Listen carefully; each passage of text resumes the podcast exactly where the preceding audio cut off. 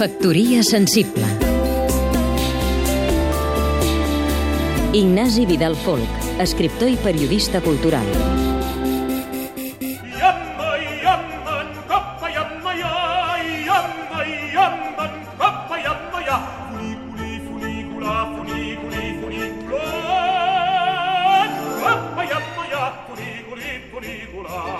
S'ha acabat la Bienal de Venècia i l'última moda entre els artistes que hi han participat ha estat presentar-se ja amb obres que critiquen la Bienal de Venècia. Els artistes contemporanis sovint tendeixen a creure que la seva obra pot anar contra l'establishment, que la seva obra mou la gent, angelets. L'art contemporani moure la gent. No, però ells tenen aquesta coqueteria.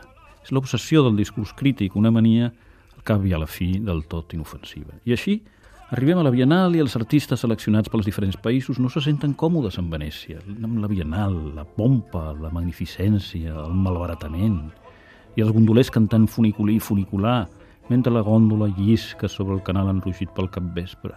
Buah, quina Disneylandia. I a més a més en aquest moment de crisi en què tanta gent ho passa malament. I llavors la seva obra, el seu discurs, critica tan frívola manifestació. Es fan instal·lacions que al·ludeixen a la natura suntuosa i artificial de la Bienal de Venècia. Tot això em sembla excel·lent.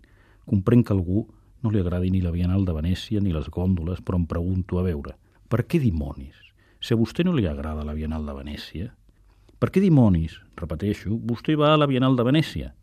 No seria millor quedar-se a casa seva i passar agradablement la tarda a la taverna amb els amics? És tan dolç. Tot va ben amb moderació, és clar. Si no, paga més la pena anar a la Bienal de Venècia. Factoria sensible Seguim-nos també a catradio.cat